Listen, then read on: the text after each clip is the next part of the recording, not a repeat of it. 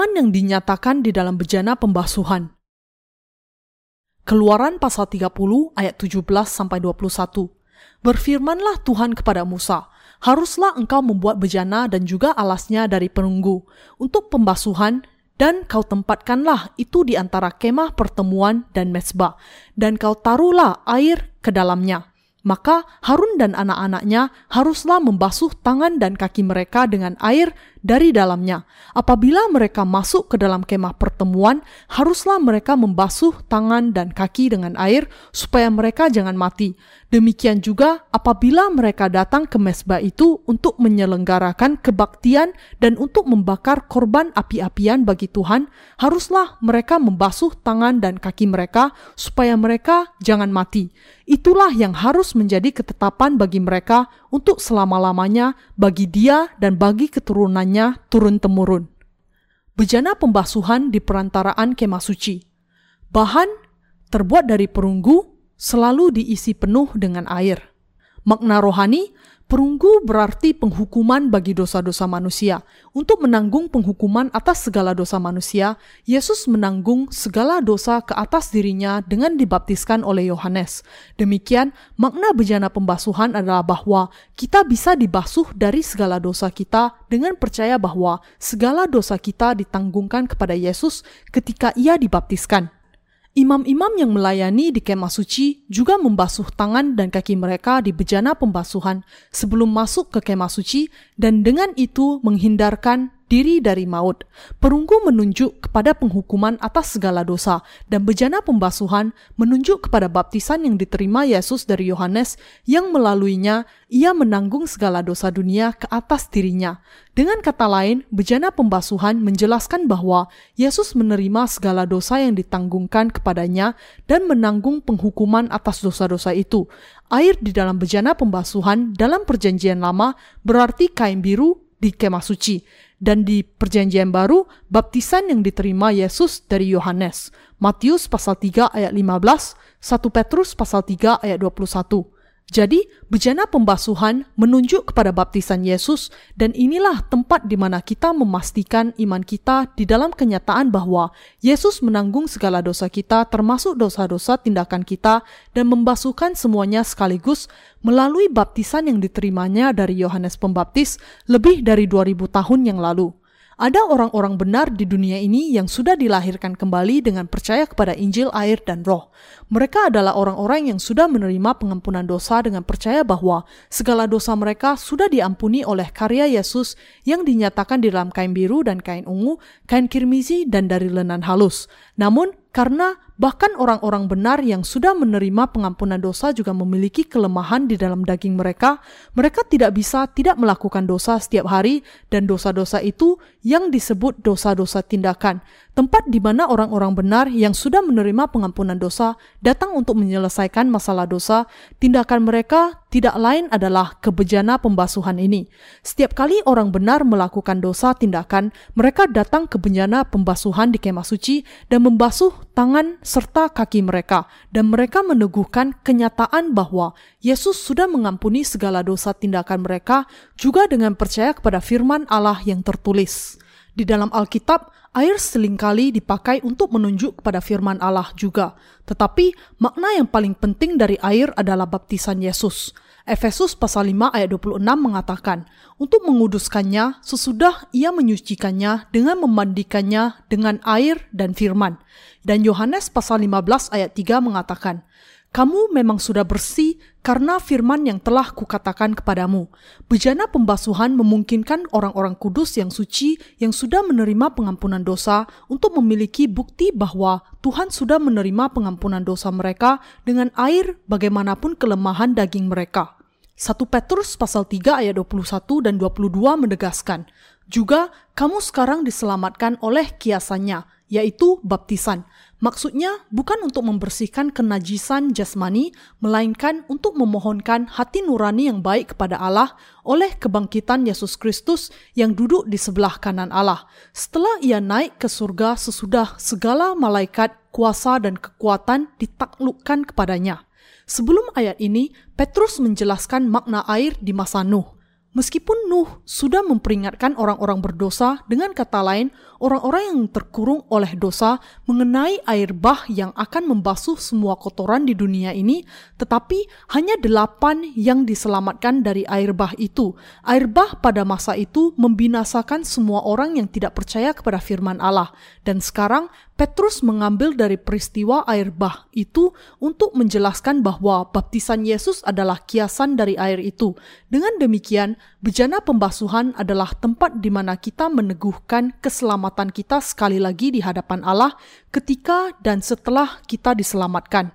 Orang-orang kudus yang sudah diselamatkan dari dosa mereka oleh iman mengenakan kasih karunia Allah dengan percaya kepada air di dalam bejana pembasuhan, baptisan Yesus, perunggu penghukuman Allah atas segala dosa dan bahwa Yesus sudah membebaskan mereka dari segala dosa mereka. Bahkan meski kita penuh kelemahan dan kekurangan sampai kita tidak bisa melihat diri kita sebagai orang benar, kita bisa meneguhkan bahwa kita sepenuhnya benar dengan menegaskan kembali iman kita kepada baptisan Yesus, penanggungan dosa, air, dan curahan darahnya di salib, penghukuman dosa, perunggu.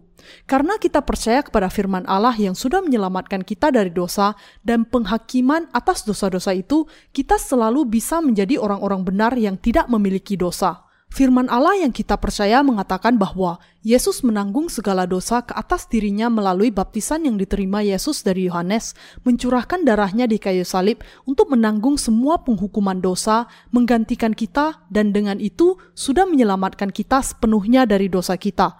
Allah meletakkan bejana pembasuhan di perantaraan kemah suci supaya kita bisa meneguhkan iman kita bahwa kita bagaimanapun situasi yang terjadi adalah orang-orang yang sudah diselamatkan secara sempurna dari dosa-dosa kita. Sudahkah Anda dibebaskan dari segala dosa tindakan Anda selamanya? Ketika perjamuan terakhir setelah membagi roti Paskah dan minum dengan murid-muridnya, Yesus sebelum mati di kayu salib mau membasuh kaki Petrus dan murid-murid lainnya dengan air. Karena Yesus sudah menanggung segala dosa murid-muridnya melalui baptisan yang diterimanya dari Yohanes, ia mau mengajarkan kepada mereka kebenaran tentang bejana pembasuhan.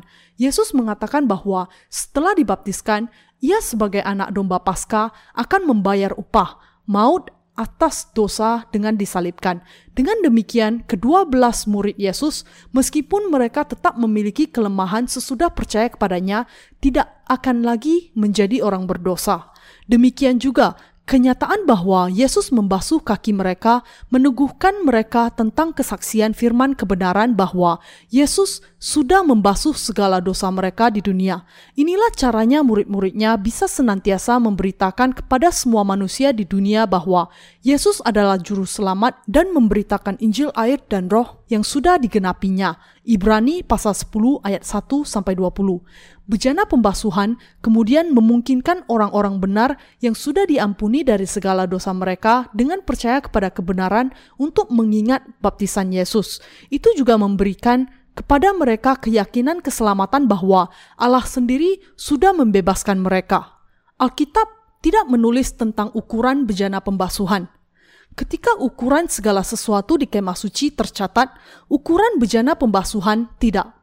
Ini menunjukkan kenyataan bahwa Yesus Anak Allah menanggung segala dosa ke atas dirinya dengan baptisan tidak terbatas kebesarannya. Ini juga menjelaskan bahwa kasih Yesus yang sudah menyelamatkan kita dari dosa dan penghukuman tidak ada batasnya. Bejana pembasuhan menyatakan kasih Allah yang besar dan tidak terukur. Manusia ditentukan untuk senantiasa melakukan dosa sepanjang hidupnya, tetapi dengan menanggung segala dosa dunia ke atas dirinya melalui baptisan yang diterimanya dari Yohanes dan dengan disalibkan serta mencurahkan darahnya di kayu salib, Yesus sudah menghapus segala dosa kita untuk selamanya. Bejana pembasuhan dibuat dengan melembur cermin-cermin perunggu para wanita yang melayani di kemah suci Keluaran pasal 38 ayat 8. Ini berarti bahwa firman Allah memancarkan cahaya keselamatan orang berdosa dan menghilangkan kegelapan mereka. Kita harus menyadari bahwa Allah sudah membuat bejana pembasuhan supaya ia sendiri bisa menghilangkan dosa-dosa kita. Firman kebenaran ini sudah memancarkan terang atas kegelapan dosa manusia yang tersembunyi di dalam hati mereka, membuang segala dosa mereka selamanya, dan sudah memberikan pengampunan dosa kepada mereka, dan dengan itu membuat mereka menjadi orang benar.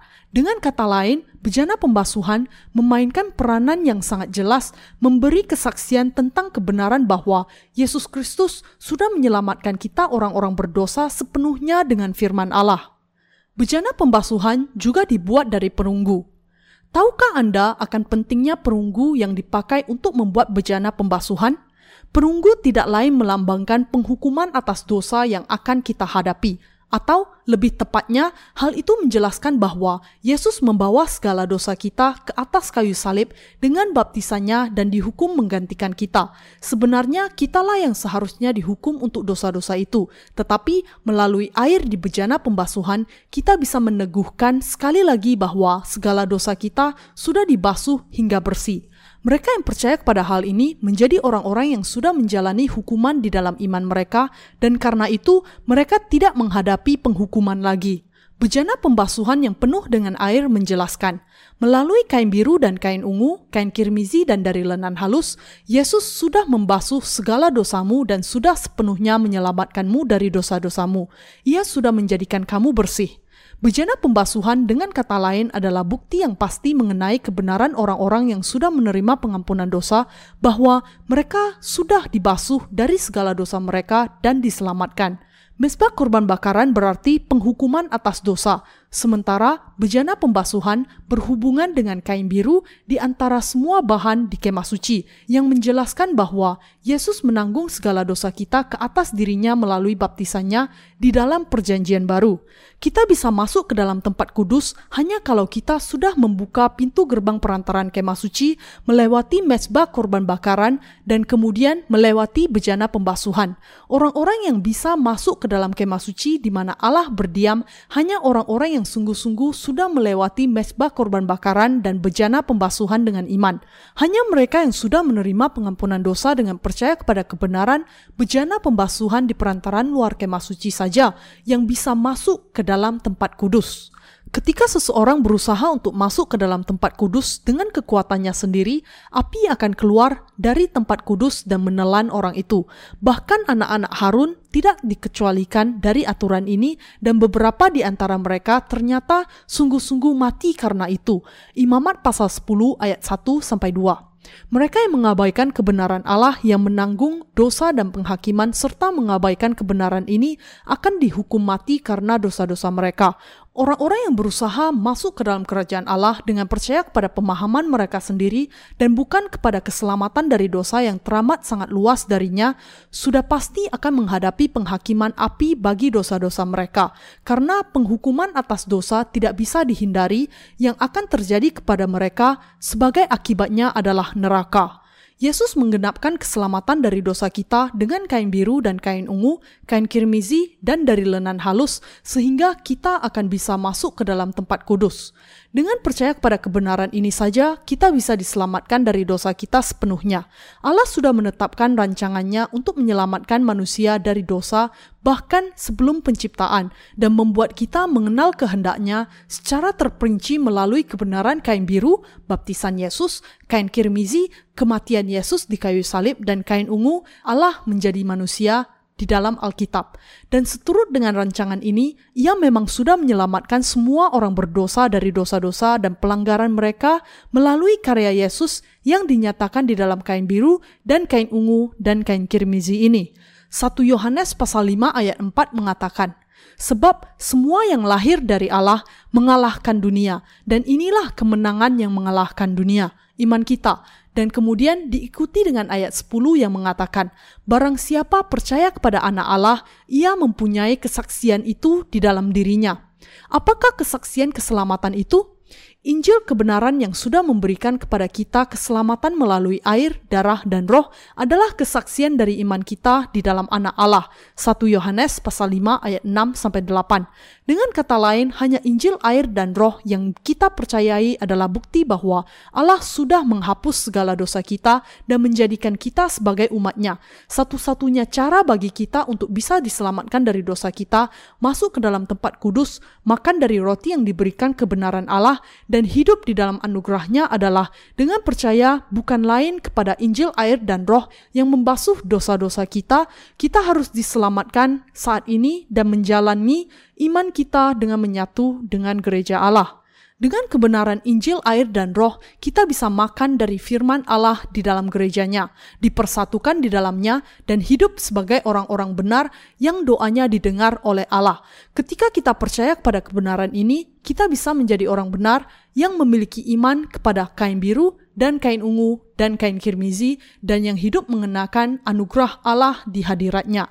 Kehidupan iman yang bisa dijalani oleh umat Allah bisa terjadi hanya karena percaya kepada air, darah, dan roh. Kita bisa diselamatkan dari dosa kita dengan percaya segenap hati kita di dalam baptisan Yesus, curahan darahnya dan kematiannya, dan bahwa Yesus adalah Allah sendiri. Iman yang memampukan Anda untuk hidup di dalam gereja Allah adalah iman di dalam kain biru dan kain ungu, kain kirmizi, dan dari lenan halus. Sekarang banyak orang mengatakan, yang harus kita lakukan hanyalah percaya kepada Yesus. Mengapa bingung dengan kerumitan itu? Jangan membuang waktu dengan membicarakan yang tidak ada gunanya dan percaya saja kepada apa yang kita anggap baik. Untuk orang-orang yang demikian, kita bisa dianggap pembuat masalah di dalam kekristenan. Tetapi yang jelas adalah bahwa kalau seseorang percaya kepada Yesus tanpa menerima pengampunan dosa, ia harus menghadapi penghukuman kekal. Tidak percaya kepada Injil air, darah, dan roh adalah iman yang salah dan cacat. Iman itu pada kenyataannya tidak percaya kepada Yesus sebagai juru selamat. Kalau saya, untuk menyenangkan seorang asing, secara sembarangan mengatakan kepadanya, "Saya percaya kepada Anda," apakah orang itu langsung yakin orang ini pasti sungguh-sungguh percaya kepada saya dan merasa senang? Sebaliknya, ia mungkin berkata, "Apakah Anda mengenal saya?" Saya rasa saya tidak mengenal Anda. Kalau saya berkata lagi, tetapi saya tetap percaya kepada Anda dan memandangnya dengan mata tulus untuk lebih menyenangkannya, apakah ia akan merasa senang? Yang lebih mungkin adalah bahwa orang itu akan menganggap saya sebagai penjilat yang tidak berpendirian yang berusaha menarik hatinya dan menyenanginya. Allah juga tidak senang dengan orang-orang yang hanya percaya kepadanya secara buta. Kalau kita mengatakan, "Aku percaya kepada Allah, aku percaya kepada Yesus menjadi juru selamat orang berdosa," maka kita harus mengakui iman kita kepadanya setelah mengenal dan percaya bagaimana Yesus sudah membereskan segala kesalahan orang berdosa.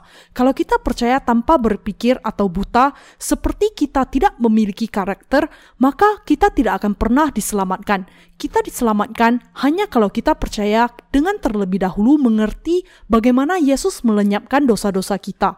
Kalau kita berkata percaya kepada seseorang, kita menempatkan keyakinan pribadi kita kepada orang itu karena kita mengenalnya dengan baik dan menganggap bahwa orang itu bisa dipercayai. Meletakkan keyakinan kepada seseorang yang tidak kita kenal hanya bisa berarti kalau kita berbohong atau kita orang bodoh yang gampang dihianati. Demikian, orang-orang yang mengaku percaya kepada Yesus, kita harus sungguh-sungguh mengenal bagaimana Yesus membuat segala dosa kita dilenyapkan. Hanya dengan cara itu, kita tidak akan dibuang Tuhan di saat-saat terakhir dan masuk surga sebagai anak-anak Allah yang dilahirkan kembali. Iman yang benar yang bisa membawa kita ke dalam kerajaan surga adalah iman kain biru dan kain ungu dan kain kirmizi. Dengan kata lain, iman yang benar adalah percaya kepada Injil air dan roh yang sudah menyelamatkan kita melalui air, baptisan Yesus, darah kematian Yesus, dan roh kudus, Yesus adalah Allah. Kita harus tahu betapa hebatnya anugerah Tuhan yang sudah menyelamatkan kita dan percaya kepada hal itu. Karena percaya kepada kebenaran ini akan menuntun kita ke dalam keselamatan kita. Apakah iman seseorang penuh atau tidak ditentukan dari apakah orang ini mengenal kebenaran atau tidak. Anda bisa percaya kepada Yesus sebagai juru selamat hanya kalau Anda percaya kepada Injil, air, dan roh di dalam hati Anda.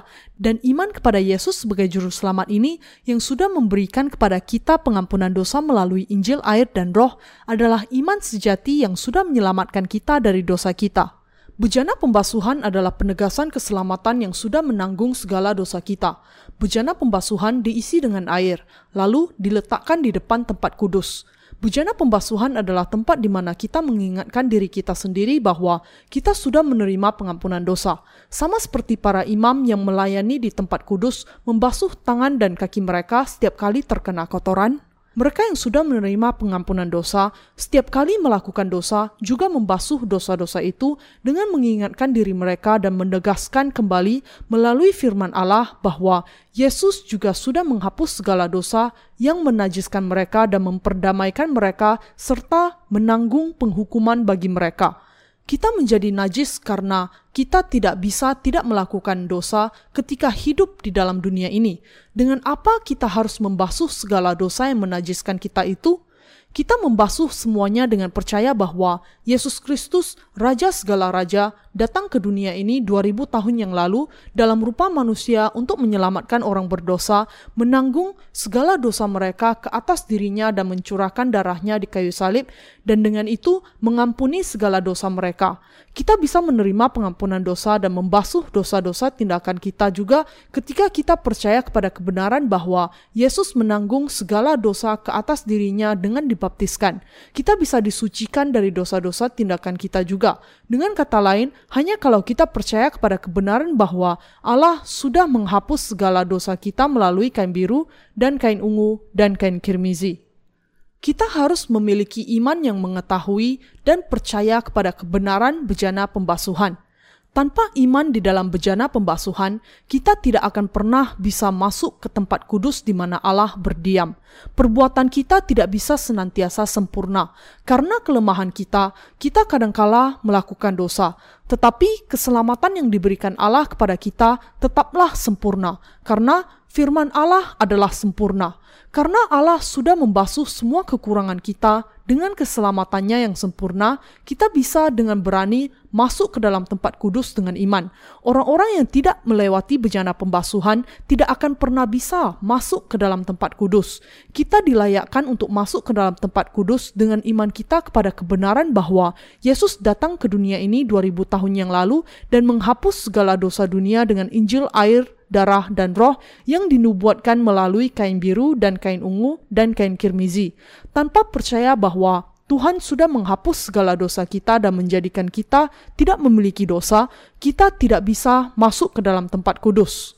Karena kita tidak bisa masuk ke tempat kudus Allah tanpa percaya kepada kain biru dan kain ungu dan kain kirmizi, kalau kita tidak percaya kepada Injil, air, dan roh, kita juga tidak akan menikmati berkat bisa menghadap tahta anugerah Allah dengan percaya kepada firman-Nya di dalam gerejanya, berdoa kepadanya dan menerima anugerahnya dan kehidupan dengan hamba-hamba dan orang-orang kudusnya. Kita bisa menjalani kehidupan kita di dalam gereja Allah dengan sesama orang percaya, mendengar dan percaya kepada firman-Nya serta berdoa kepadanya hanya kalau kita percaya bahwa Allah sudah menyelamatkan kita dari dosa kita melalui kain biru dan kain ungu dan kain kirmizi. Bejana pembasuhan adalah penegasan akhir tentang keselamatan kita dari dosa. Allah meletakkan bejana pembasuhan tepat di depan tempat kudus dan mengisinya dengan air untuk memberikan penegasan iman bagi mereka yang percaya kepada Injil pengampunan dosa. Bejana pembasuhan ini membersihkan hati nurani yang dinajiskan dari orang-orang benar yang percaya. Mari kita membaca 1 Yohanes pasal 2 ayat 1 sampai 2. Anak-anakku, Hal-hal ini kutuliskan kepadamu supaya kamu jangan berbuat dosa. Namun, jika seorang berbuat dosa, kita mempunyai seorang pengantara pada Bapa, yaitu Yesus Kristus yang adil. Dan ia adalah pendamaian untuk segala dosa kita dan bukan untuk dosa kita saja, tetapi juga untuk dosa seluruh dunia. Amin. Kalau kita melakukan dosa, kita memiliki pengantara dengan Bapa, Yesus Kristus yang kudus. Yesus membasuh kenajisan hati orang-orang benar dengan air yang bersih. Sehari sebelum penyalipan, di perjamuan terakhir Yesus mengumpulkan murid-muridnya bersama, menuangkan air ke dalam basi, dan mulai membasuh kaki mereka. Ketika aku dibaptiskan, aku menanggung segala dosamu, bahkan termasuk juga dosa-dosa yang akan engkau lakukan kemudian, dan aku akan dihukum di kayu salib menggantikanmu. Aku bahkan menanggung dosa-dosa masa depanmu ke atas diriku juga, dan aku menghapuskan semuanya. Aku sudah menjadi juru selamatmu. Untuk menjelaskan hal inilah, Yesus membasuh kaki murid-muridnya ketika perjamuan Paskah yang terakhir. Kepada Petrus yang menolak dibasuh kakinya oleh Yesus, ia berkata, apa yang kuperbuat engkau tidak tahu sekarang, tetapi engkau akan mengertinya kelak. Yohanes pasal 13 ayat 7. Yesus ingin menjadi juru selamat yang sempurna bagi orang-orang yang sungguh-sungguh percaya kepada Injil, air, dan roh. Bagi mereka yang percaya kepada kain biru dan kain ungu dan kain kirmizi, Yesus sudah menjadi juru selamat mereka. Manfaat dari bejana pembasuhan Bejana pembasuhan dipakai untuk membasuh semua kenajisan para imam ketika mereka melayani di kemah suci memberikan korban kepada Allah. Bejana itu dibutuhkan untuk membasuh semua bercak yang mungkin didapat oleh para imam ketika menyembelih korban persembahan, menampung darahnya dan memotongnya menjadi bagian-bagian yang akan diberikan kepada Allah sebagai korban yang akan memperdamaikan dosa-dosa bangsa Israel. Ketika para imam menjadi kotor karena memberikan korban, mereka harus dibasuh dengan air, dan bejana pembasuhan adalah tempat di mana semua kenajisan ini akan dibasuh. Setiap kali kita melakukan dosa, baik di dalam roh maupun daging, dan setiap kali kita menjadi cemar karena melanggar perintah Allah, kita harus menghapus segala dosa kita dengan air di bejana pembasuhan ini. Para imam, setiap kali tubuhnya menyentuh sesuatu yang najis atau kotor, harus membasuh bagian yang kotor dengan air, baik mereka mau ataupun tidak. Demikian juga, setiap kali ada orang yang percaya kepada Yesus yang bersentuhan dengan sesuatu yang kotor atau najis, air di bejana pembasuhan dipakai untuk membasuh kenajisan itu. Singkatnya, air di bejana pembasuhan diberikan untuk membasuh kenajisan orang-orang yang dilahirkan kembali. Demikian, bejana pembasuhan mengandung kasih karunia Allah. Makna bejana pembasuhan bukanlah sebuah perkakas pilihan yang bisa kita pilih untuk mempercayainya atau tidak, tetapi ini adalah perkakas yang sangat penting bagi mereka yang percaya kepada Yesus. Allah menetapkan semua perkakas lain di dalam kemah suci, menjelaskan secara terperinci berapa hasta tingginya, panjangnya, dan lebarnya. Tetapi ia tidak menyebutkan ukuran bejana pembasuhan. Ini menyatakan kasih Allah yang tidak terukur yang sudah dicurahkan Mesias bagi kita yang melakukan dosa setiap hari. Di dalam kasih Mesias ini ditemukan baptisannya, bentuk dari penumpangan tangan yang menghapus segala dosa kita. Karena air dalam jumlah banyak diperlukan oleh para imam ketika mereka menjadi kotor setelah melakukan tugas mereka, bejana pembasuhan harus senantiasa diisi dengan air. Karena itu, ukuran dari bejana pembasuhan tergantung kepada kebutuhan ini. Karena bejana pembasuhan terbuat dari perunggu, setiap kali para imam dibasuh dengan air ini, mereka memikirkan mengenai penghukuman atas dosa. Para imam yang melayani di kemah suci harus membasuh semua kenajisan dari tangan dan kaki mereka dengan air bejana pembasuhan. Kalau penunggu melambangkan penghakiman Allah, maka air melambangkan pembasuhan dosa. Ibrani pasal 10 ayat 22 mengatakan, tubuh kita telah dibasuh dengan air yang murni. Dan Titus pasal 3 ayat 5 mengatakan, pemandian kelahiran kembali dan oleh pembaruan yang dikerjakan oleh roh kudus. Seperti yang dikatakan dalam ayat itu, firman perjanjian baru juga menjelaskan banyak tentang membasuh kenajisan dengan air baptisan. Kalau para imam membasuh kenajisan yang terjadi di dalam kehidupan mereka menggunakan air bejana pembasuhan, kita orang Kristen zaman ini yang dilahirkan kembali bisa membasuh segala dosa tindakan yang kita lakukan dengan percaya kepada baptisan Yesus. Air bejana pembasuhan di Perjanjian Lama menjelaskan kepada kita bahwa Mesias datang ke dunia ini dan sudah menghapus segala dosa dunia dengan baptisan yang diterimanya dari Yohanes. Melalui Alkitab, Allah mengatakan bahwa bukan hanya dosa-dosa yang dilakukan oleh bangsa Israel, tetapi dosa-dosa tindakan yang dilakukan oleh semua manusia di sepanjang sejarah ditanggungkan kepada Yesus melalui baptisan yang diterimanya dari Yohanes. Ketika Yesus dibaptiskan oleh Yohanes, ia mengatakan di dalam Matius pasal 3 ayat 15, Biarlah hal itu terjadi, karena demikianlah sepatutnya kita menggenapkan seluruh kebenaran. Dengan menerima baptisannya, bentuk yang sama dari penumpangan tangan dari Yohanes, perwakilan umat manusia, Yesus menerima semua dosa manusia ke atas tubuhnya sendiri. Karena itu, dengan percaya kepada kenyataan bahwa segala dosa kita ditanggungkan kepada Yesus, Sang Mesias melalui baptisannya, kita semua bisa dibasuh dari semua kenajisan dosa-dosa di dalam hati kita. Karena kita sudah menanggungkan segala dosa kita kepada Yesus dengan percaya kepada kebenaran ini, yang harus kita lakukan adalah percaya bahwa anak Allah membawa dosa-dosa dunia ke atas kayu salib, disalibkan dan mencurahkan darahnya menjadi korban persembahan yang sempurna bagi semua manusia, dan dengan itu menyelamatkan kita dari dosa kita. Apakah Anda percaya kepada hal ini di dalam hati Anda? Mereka yang sungguh-sungguh percaya bahwa Mesias menjadi korban persembahan kita sendiri mendapatkan keselamatan kekal. Masalah dosa tindakan juga diselesaikan dengan percaya kepada baptisan Yesus. Apakah Alkitab menjelaskan bagaimana kita bisa menghapus segala dosa tindakan kita? Sama seperti para imam membasuh semua kotoran dengan air bejana pembasuhan di perjanjian lama, di perjanjian baru kita bisa menerima pengampunan dosa tindakan kita dengan percaya bahwa Yesus sudah menggenapi kebenaran Allah dengan menanggung segala dosa dunia ke atas dirinya melalui baptisan yang diterimanya dari Yohanes. Pada akhirnya, segala dosa dihapuskan dengan percaya kepada kebenaran ini. Ketika bangsa Israel mempersembahkan korban penghapus dosa kepada Allah, mereka membawa ke kemah suci binatang korban yang tidak bercacat seperti kambing atau domba, mengakui dosa mereka dan menanggungkan semuanya kepada korban dengan menumpangkan tangan ke atas kepalanya. Mereka kemudian menyembelih dan mengeluarkan darahnya, meletakkan darahnya di tanduk-tanduk mesbah korban bakaran dan menuangkan sisanya ke tanah. Imamat pasal 4 Bahkan dosa-dosa mereka sepanjang tahun dibayar lunas sekaligus dengan iman melalui korban penghapus dosa pada hari raya pendamaian. Imamat pasal 16. Pada akhirnya, kita menerima pengampunan dosa kita dengan cara yang sama seperti korban penghapus dosa di Perjanjian Lama, yaitu dengan percaya kepada baptisan Mesias yang datang untuk menghapus segala dosa kita dan di dalam darah di kayu salib.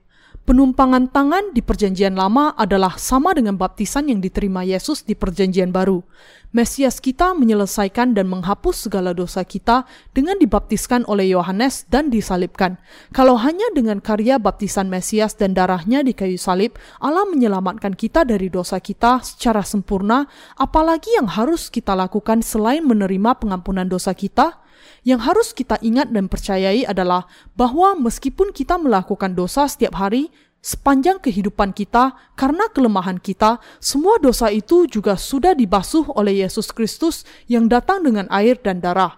Meskipun kita percaya kepada Yesus, karena kelemahan kita, kita masih jatuh ke dalam kelemahan dan pelanggaran kita. Tetapi Allah kita yang mengetahui semuanya sudah menyelamatkan kita dengan mengutus Mesias ke dunia ini, membuatnya menghapus segala dosa manusia ke atas dirinya melalui baptisannya dan menjadikannya sebagai korban. Dengan meletakkan mesbah korban bakaran dan bejana pembasuhan di perantaran kemah suci, Allah sudah memungkinkan kita untuk menghapus segala dosa tindakan yang kita lakukan setiap hari sebelum kita masuk ke dalam tempat kudus rumah Allah. Tetapi ini tidak berarti bahwa kita harus menghapus segala dosa tindakan kita dengan doa-doa pertobatan setiap hari. Sebaliknya, iman kita kepada baptisan Mesias dan darahnya di kayu salib yang sudah membasuh dosa-dosa kita. Allah sudah menetapkan bahwa ketika orang-orang benar membuat kesalahan dan melakukan dosa serta pelanggaran setelah percaya kepada Yesus, mereka harus dibasuh dari dosa-dosa itu dengan percaya kepada baptisan yang sudah Mesias, Tuhan atas bejana pembasuhan, terima. Banyak orang cenderung menganggap bahwa penanggungan Yesus atas dosa-dosa dan dihakiminya bagi dosa-dosa itu adalah hal yang sama, mengikatkan keduanya secara buta dalam sebuah ikatan. Tetapi karena kita melakukan dosa tindakan setiap hari karena kelemahan kita, pembasuhan dosa dan penghukuman atas dosa harus dipisahkan menjadi dua. Baptisan yang diterima Yesus dari Yohanes dan kematiannya di kayu salib adalah untuk menanggung segala dosa kita ke atas dirinya dan dihukum untuk dosa-dosa itu dan untuk menyelamatkan mereka secara sempurna. Dengan iman ini, kita kemudian bisa menerima penghukuman atas dosa-dosa kita sekaligus. Karena itu, masalah dosa tindakan kita yang kita lakukan setiap hari haruslah diselesaikan dengan percaya kepada baptisan Mesias. Dengan menyatukan kedua perkara itu, baptisan dan kayu salib, sehingga keselamatan yang tunggal dan sempurna bisa digenapkan. Inilah kebenaran pengampunan dosa yang sempurna, dan sejauh penyelesaian atas masalah dosa kita, kita harus berpikir dan percaya kepada hal itu dengan memisahkan antara baptisan Yesus dan kayu salib satu dengan yang lain. Ketika para imam menyembelih binatang korban di kemah suci, mereka dikotori oleh debu dan percikan darah. Para imam harus membasuh semua kenajisan ini, tetapi kalau mereka tidak memiliki air di bejana pembasuhan yang ada di perantaran kemah suci, mereka tidak akan bisa melakukannya. Tidak peduli kalau ia imam besar atau imam biasa yang sudah diampuni dari dosa-dosa selama setahun, tanpa pembasuhan kenajisannya dengan air di bejana pembasuhan, orang ini tidak akan bisa tidak hidup dengan dosa tetap ada di dalam dirinya. Bahkan meski imam besar memiliki segala kekotoran di dalam dirinya karena ada bejana pembasuhan di perantaran kemah suci, ia selalu bisa disucikan. Bahkan kalau seorang imam diampuni dari dosa-dosa selama setahun, dengan pembasuhan inilah dosa-dosa harian orang ini dibasuhkan. Allah menetapkan bahwa semua imam yang memberi persembahan kepadanya dibasuhkan dari semua kenajisan di bejana pembasuhan. Kita bisa menyadari mengapa Allah meletakkan bejana pembasuhan di perantaran kemah suci.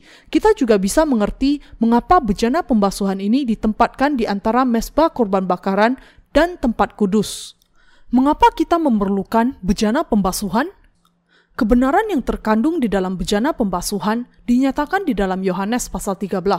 Di waktu Paskah, setelah makan perjamuan terakhir dengan murid-muridnya, Yesus mulai membasuh kaki mereka, mulai dari Petrus. Ketika Yesus mau membasuh kakinya, ia meminta Petrus menjulurkan kakinya supaya ia bisa membasuhnya. Namun, Petrus menolak dan mengatakan, Akulah yang seharusnya membasuh kakimu. Bagaimana engkau, Tuhan, membasuh kakiku? Petrus menolak karena ia berpikir tidak pantas kalau ada guru yang membasuh kaki murid-muridnya sendiri. Bagaimana mungkin aku berani meminta guruku membasuh kakiku? Aku tidak mungkin melakukannya. Petrus terus menolak pelayanan Yesus. Ketika Yesus kemudian berbicara kepada Petrus, di dalamnya terkandung makna yang sangat dalam. Apa yang kuperbuat engkau tidak tahu sekarang, tetapi engkau akan mengertinya kelak. Yohanes pasal 13 ayat 7. Ini yang dimaksud Yesus. Engkau tidak mengerti sekarang mengapa aku membasuh kakimu, tetapi ini pasti menjadi jalan keluar bagi masalah dosa-dosa tindakanmu. Engkau akan melakukan banyak dosa tindakan sejak saat ini, tetapi aku sudah membereskan bahkan dosa-dosa tindakan masa depanmu ke atas diriku. Dan karena dosa-dosa ini, aku harus mencurahkan darahku di kayu salib engkau kemudian harus mengerti dan percaya bahwa akulah Mesias yang membereskan dosa-dosa tindakanmu di masa yang akan datang. Dalam pikiran Petrus, sangat tidak sopan untuk Mesias membasuh kakinya, dan inilah sebabnya ia menolak untuk dibasuhkan. Tetapi Yesus mengatakan kepada Petrus, "Engkau akan mengerti hal ini dan membasuh kakinya. Hanya kalau aku membasuh kakimu, engkau memiliki hubungan dengan aku. Engkau tidak tahu sekarang mengapa aku membasuh kakimu, tetapi setelah aku disalibkan dan naik ke kerajaan surga, engkau akan mengerti mengapa aku membasuh kakimu.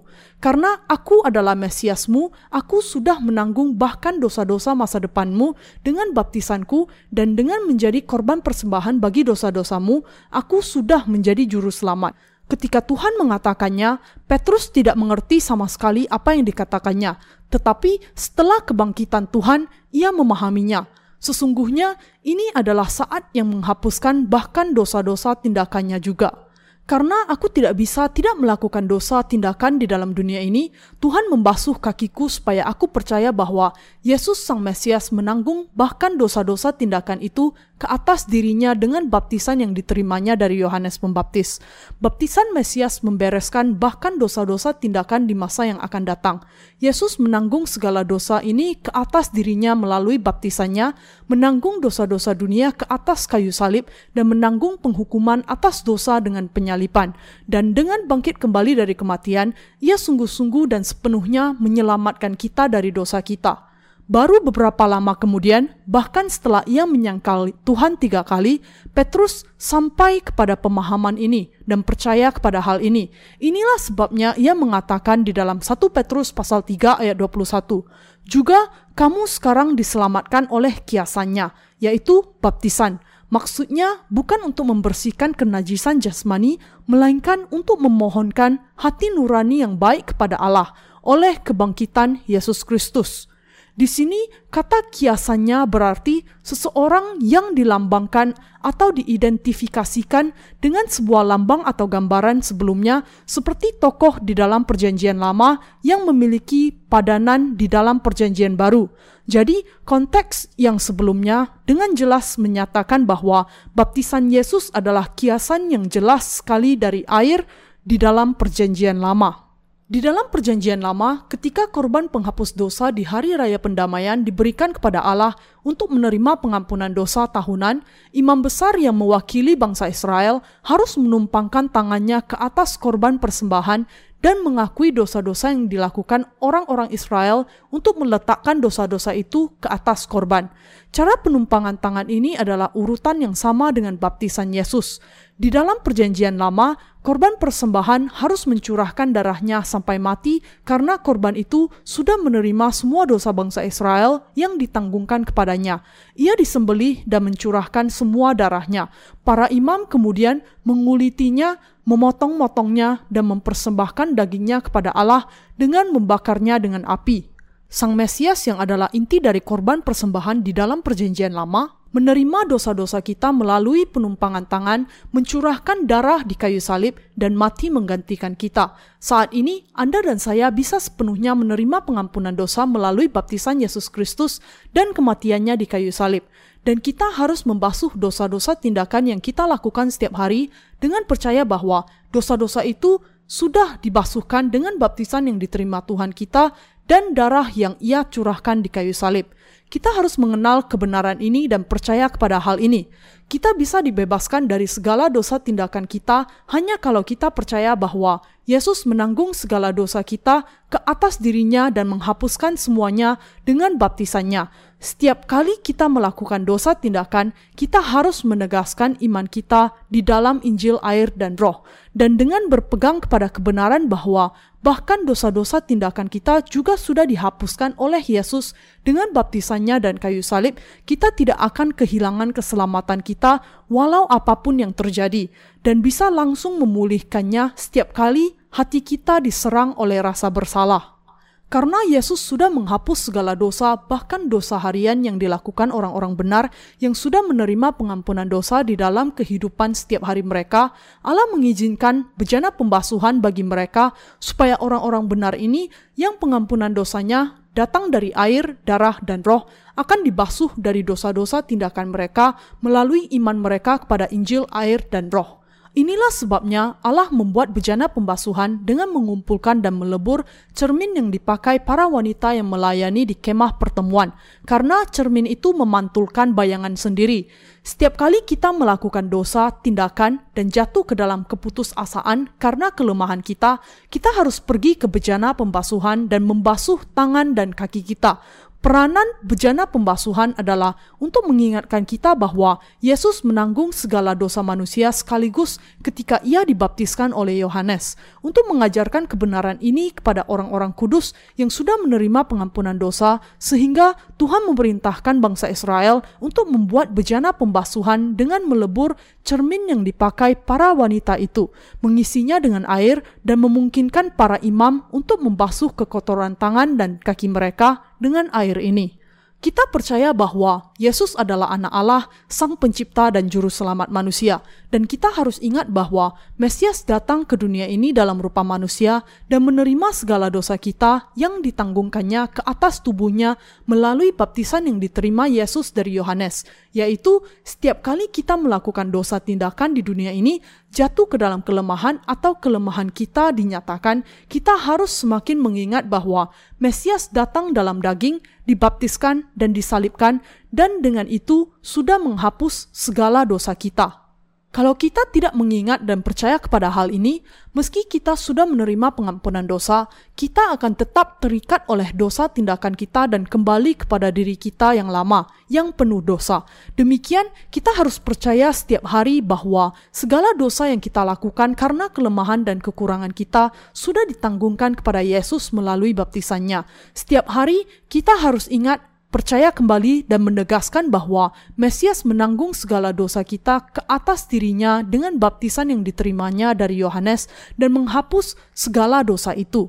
Tidak seorang pun di muka bumi ini yang bisa menerima pengampunan dosa dengan percaya kepada Yesus tanpa percaya bahwa ia menanggung segala dosa dengan dibaptiskan oleh Yohanes dan mencurahkan darahnya.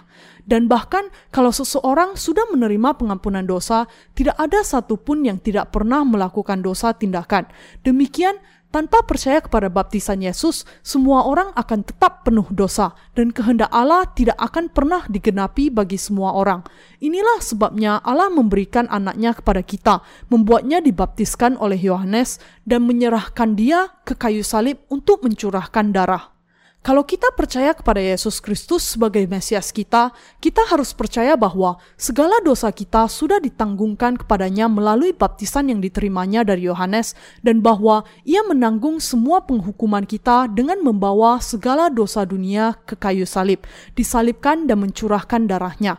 Kita menerima pengampunan dosa dengan percaya kepada baptisan Yesus dan darahnya. Segala dosa kita sudah dihapuskan dengan percaya kepada kebenaran ini.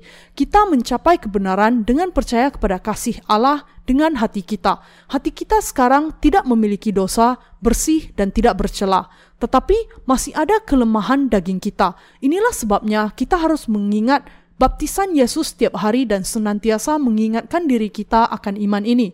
Setiap kali kekurangan dan kelemahan kita dinyatakan, setiap kali pikiran jahat muncul dan kita dicemarkan, dan setiap kali tindakan kita menyimpang, Tuhan kita hanya senang kalau kita mengingat bahwa Yesus menanggung segala dosa itu ke atas dirinya dengan baptisan yang diterima dari Yohanes dan membersihkan hati kita dengan percaya kepada kebenaran ini sekali lagi. Setiap kali kita melakukan dosa, kita harus terlebih dahulu mengakui dosa kita di hadapan Allah. Kita kemudian percaya sekali lagi bahwa segala dosa itu sudah ditanggungkan kepada Yesus melalui baptisannya. Kita yang sudah dibasuh oleh karya baptisan Yesus harus membersihkan dosa-dosa tindakan kita setiap hari dengan percaya kepada karya ini. Inilah sebabnya kita harus ingat dan percaya kepada kenyataan bahwa kita bisa membasuh segala dosa kita melalui baptisan Yesus Kristus. Sekarang kita sudah melihat mengapa Allah menempatkan bejana pembasuhan di antara mesbah korban bakaran dan kemah suci. Allah menempatkan bejana pembasuhan di antara mesbah korban bakaran dan kemah suci supaya ketika kita menghadap Dia, kita akan datang dengan tubuh dan hati yang bersih. Bahkan setelah kita menjadi orang benar yang menerima pengampunan dosa sempurna melalui baptisan Yesus dan kayu salib, hati kita masih cenderung dicemarkan setiap kali kita melakukan dosa, baik secara sengaja maupun tidak. Inilah sebabnya kita harus membasuh semua kekotoran itu di bejana pembasuhan ketika kita melewati mesbah korban bakaran dan menghadap Allah. Karena kita tidak bisa menghadap Allah kalau kita memiliki bahkan kekotoran yang sekecil apa pun, Allah menempatkan bejana pembasuhan di antara mesbah korban bakaran dengan kemah suci sehingga kita bisa masuk ke hadirat Allah di dalam kesucian sesudah dibasuh dengan air dari bejana pembasuhan. Hati nurani yang bagaimana yang baik di hadapan Allah 1 Petrus pasal 3 ayat 21 juga mendefinasikan baptisan Yesus sebagai memohonkan hati nurani yang baik kepada Allah. Di sini, hati nurani yang baik adalah yang percaya bahwa Yesus sudah menghapus segala dosa manusia, termasuk dosa tindakan yang dilakukan setiap hari dengan baptisan yang diterima Yesus dari Yohanes di Sungai Yordan. Untuk menanggungkan segala dosa ke atas dirinya, Tuhan kita dibaptiskan oleh Yohanes dan dengan itu menerima segala dosa ke atas tubuhnya sendiri. Karena Yesus menanggung segala dosa dunia di atas tubuhnya, ia harus mati di kayu salib. Kalau kita mengabaikan dan tidak percaya kepada apa yang dilakukannya, maka hati nurani kita hanya bisa menjadi jahat. Inilah sebabnya kita harus percaya kepada baptisannya. Kita harus memiliki hati nurani yang baik di hadapan Allah. Meskipun di dalam tubuh kita nampaknya tidak akan bisa hidup sempurna 100%, paling tidak di dalam hati nurani kita, kita bisa dan harus memiliki hati nurani yang baik dalam pandangan Allah. Sekitar setengah abad yang lalu, ketika Korea kehilangan semuanya sesudah Perang Korea, arus bantuan asing mengalir ke negara ini untuk menolong mereka lepas dari penderitaan. Meskipun seharusnya panti asuhan didahulukan untuk menerima bantuan yang demikian, pada kenyataannya orang-orang yang tidak bermoral menyelewengkan bantuan itu ke kantong mereka sendiri dan menimbun kekayaan bagi diri sendiri. Mereka tidak memiliki hati nurani.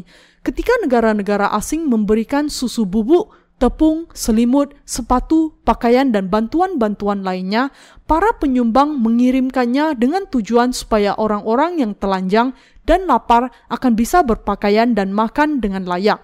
Mereka sama sekali tidak membayangkan bahwa beberapa pegawai yang jahat dan orang-orang yang bejat akan menyelewengkan barang-barang bantuan itu. Orang-orang dengan hati nurani yang baik akan membagikan secara adil di antara orang-orang miskin, orang-orang yang tidak mengambil kesempatan untuk menjadikan bantuan asing itu sebagai sarana untuk memperkaya diri sendiri dan kemudian membagikan semuanya secara adil di antara orang-orang miskin yang sedang sekarat akan hidup dengan hati nurani yang baik. Tetapi orang-orang yang tidak demikian akan dituduh melakukan pencurian oleh hati nurani mereka sendiri. Tentu saja para pencuri itu masih bisa dibasuh dari segala dosa mereka kalau mereka berbalik dan percaya kepada baptisan Yesus, bahkan saat ini juga. Untuk menanggung segala dosa ke atas dirinya dan menghapus segala dosa tindakan kita, Yesus datang ke dunia ini dan dibaptiskan oleh Yohanes. Setelah menerima baptisan dari Yohanes, Yesus menghapus segala dosa kita sekaligus. Saya ingin menegur orang-orang yang tidak percaya kepada baptisannya dan mengatakan, apa kemudian yang membuat Anda begitu sombong sampai tidak percaya kepada baptisannya? Karena keyakinan apa sampai Anda tidak percaya? Apakah Anda cukup baik untuk masuk ke dalam kerajaan surga tanpa iman kepada baptisannya? Kalau kita sungguh-sungguh ingin menjadi orang-orang dengan hati nurani yang baik, kita harus membasuh segala dosa tindakan kita dengan baptisan yang diterima Yesus dari Yohanes. Untuk itu, kita harus percaya di dalam hati kita bahwa Yesus menanggungkan ke atas dirinya segala dosa yang kita lakukan sepanjang kehidupan kita dan membasuhkan semuanya. Inilah sebabnya Mesias kita dibaptiskan oleh Yohanes sebelum ia naik ke kayu salib. Yesus berkata kepada wanita yang kedapatan melakukan jina, "Aku tidak menghukum kamu, aku juga tidak menghakimi kamu." Mengapa? Karena Yesus sudah menanggung dosa penjinahan wanita itu ke atas dirinya juga, dan karena Yesus sendiri akan menanggung semua penghukuman atas dosa juga. Ia mengatakan, Akulah yang akan dihukum bagi dosa-dosamu, tetapi dibebaskanlah dari dosa-dosamu dengan percaya kepada baptisanku. Karena itu, terimalah keselamatan dari dosa dengan percaya kepadaku. Terimalah keselamatan dari semua penghukuman dosa juga oleh iman dan dibasuh dari segala dosamu. Terimalah pembasuhan dosa hati nuranimu dan minumlah dari air yang dariku yang tidak akan membuat kamu merasa haus lagi Hari ini Anda dan saya percaya bahwa Yesus adalah Dia yang sudah menyelamatkan kita dari dosa kita. Apakah Anda sungguh-sungguh percaya bahwa Yesus memang menanggung segala dosa kita ke atas dirinya dengan baptisannya dan membasuhkan semuanya? Tuhan kita menghapus segala dosa kita dengan dibaptiskan. Kita sekarang bisa menghadap Allah dengan hati nurani yang baik. Mengapa? Karena Tuhan kita menanggung segala dosa kita ke atas dirinya dan membasuhkan semuanya dengan dibaptiskan, membawa dosa-dosa itu ke atas kayu salib, dihukum menggantikan kita dengan disalibkan dan bangkit kembali dari kematian. Dahulu, Yesus datang ke dunia ini dan melalui 33 tahun kehidupannya, ia menanggung segala dosa kita ke atas dirinya dan membasuhkan semuanya dengan baptisannya. Dengan menanggung segala dosa tindakan kita juga dan membasuhkannya, Tuhan kita sudah memampukan kita menghadap Allah dan menjadi orang-orang benar dan untuk dihukum atas segala dosa kita melalui pengorbanan Yesus Kristus. Dengan percaya kepada Tuhan ini, dengan kata lain, sehingga kita bisa memanggil Allah sebagai Bapa kita dan menghadap kehadiratnya. Demikian orang-orang yang percaya kepada karya Yesus, air, darah, dan roh adalah orang-orang yang memiliki hati nurani yang baik. Sebaliknya, pasti hati nurani yang jahat yang tidak percaya pada tindakan kebenaran Tuhan, baptisan, dan salipannya. Zaman ini, banyak orang tidak serius dengan Allah karena iman takayul mereka. Banyak pendusta yang menganggap firman Allah seolah-olah hanya hiasan saja, hanya memberitakan bahwa kita harus melakukan kebaikan di atas iman kita kepada Allah dan masuk ke dalam kerajaan surga. Dan ketika berhubungan dengan keselamatan, mereka hanya berbicara mengenai darah di kayu salib dan secara keliru berpikir bahwa mereka harus mendaki gunung tertentu untuk berdoa dan berpuasa supaya bisa bertemu dengan Allah melalui pengalaman daging mereka. Meskipun iman ini sangat keliru, mereka justru sangat sangat yakin akan kebenarannya. Mereka mengatakan, "Saya tersiksa karena dosa-dosa saya, dan karena itu saya berjaga sepanjang malam untuk berdoa. Allah, aku sudah melakukan dosa. Aku percaya kepadamu, Tuhan." Pada saat itu, saya masih tersiksa di sore hari, tetapi setelah saya berjaga sepanjang malam untuk berdoa, ketika fajar datang, tiba-tiba saya merasa seolah-olah segumpal api masuk ke dalam diri saya, dan pada saat itu juga pikiran saya dibersihkan. Segala dosa di dalam hati saya dibasuh menjadi seputih salju saat ini. Jadi, saat itulah saya dilahirkan kembali. Haleluya! Pemikiran yang demikian hanyalah buatan manusia, pemikiran yang tidak tahu dan bodoh yang menjadikan firman Allah tidak berguna. Anda harus ingat bahwa Allah akan menghukum dengan berlipat ganda orang-orang yang mengatakan mistik yang tidak masuk akal dan dengan itu mendustai orang-orang lain serta menuntun orang-orang lain beserta membawa orang lain ke dalam api neraka. Telinga saya sakit sekali tetapi saya percaya kepada apa yang dikatakan Tuhan, bahwa kita akan disembuhkan kalau kita percaya. Karena itu, saya menahan rasa sakit saya dan berkata, "Tuhan, aku percaya." Ketika aku percaya demikian, rasa sakit saya hilang. Saya menderita sakit usus buntu. Karena itu, setiap kali saya makan, saya merasa sakit perut yang luar biasa. Karena itu, sebelum saya makan, saya berdoa, "Tuhan, saya sakit di bagian ini, tetapi engkau mengatakan bahwa engkau mendengar setiap kali kami berdoa dengan iman. Saya masih percaya kepada firman-Mu, dan kemudian saya tidak lagi memiliki masalah dengan pencernaan saya. Bagaimana dengan semua itu? Semua itu adalah kasus di mana orang tidak bertemu Tuhan melalui firman. Kasus-kasus itu menunjukkan kesalahan iman mereka yang tidak percaya kepada firman. Semua itu bukan jawaban atas doa yang dinaikkan melalui firman, tetapi hanya sekedar iman mistikal. Mereka tidak percaya kepada Allah sesuai dengan firman, tetapi dengan kebingungan mereka yang didasari oleh emosi dan pengalaman mereka sendiri. Yang sangat menyesalkan dan menyedihkan adalah bahwa ada banyak mistik yang demikian di dalam kekristenan zaman ini. Demikian, menyingkirkan firman Allah dan percaya kepada Yesus didasarkan kepada emosi atau pengalaman hanya menambahkan kepada iman takayul. Orang-orang yang mengaku percaya kepada Yesus saat mereka tidak percaya kepada firman perlu menguji diri apakah mereka dikuasai oleh si jahat atau tidak.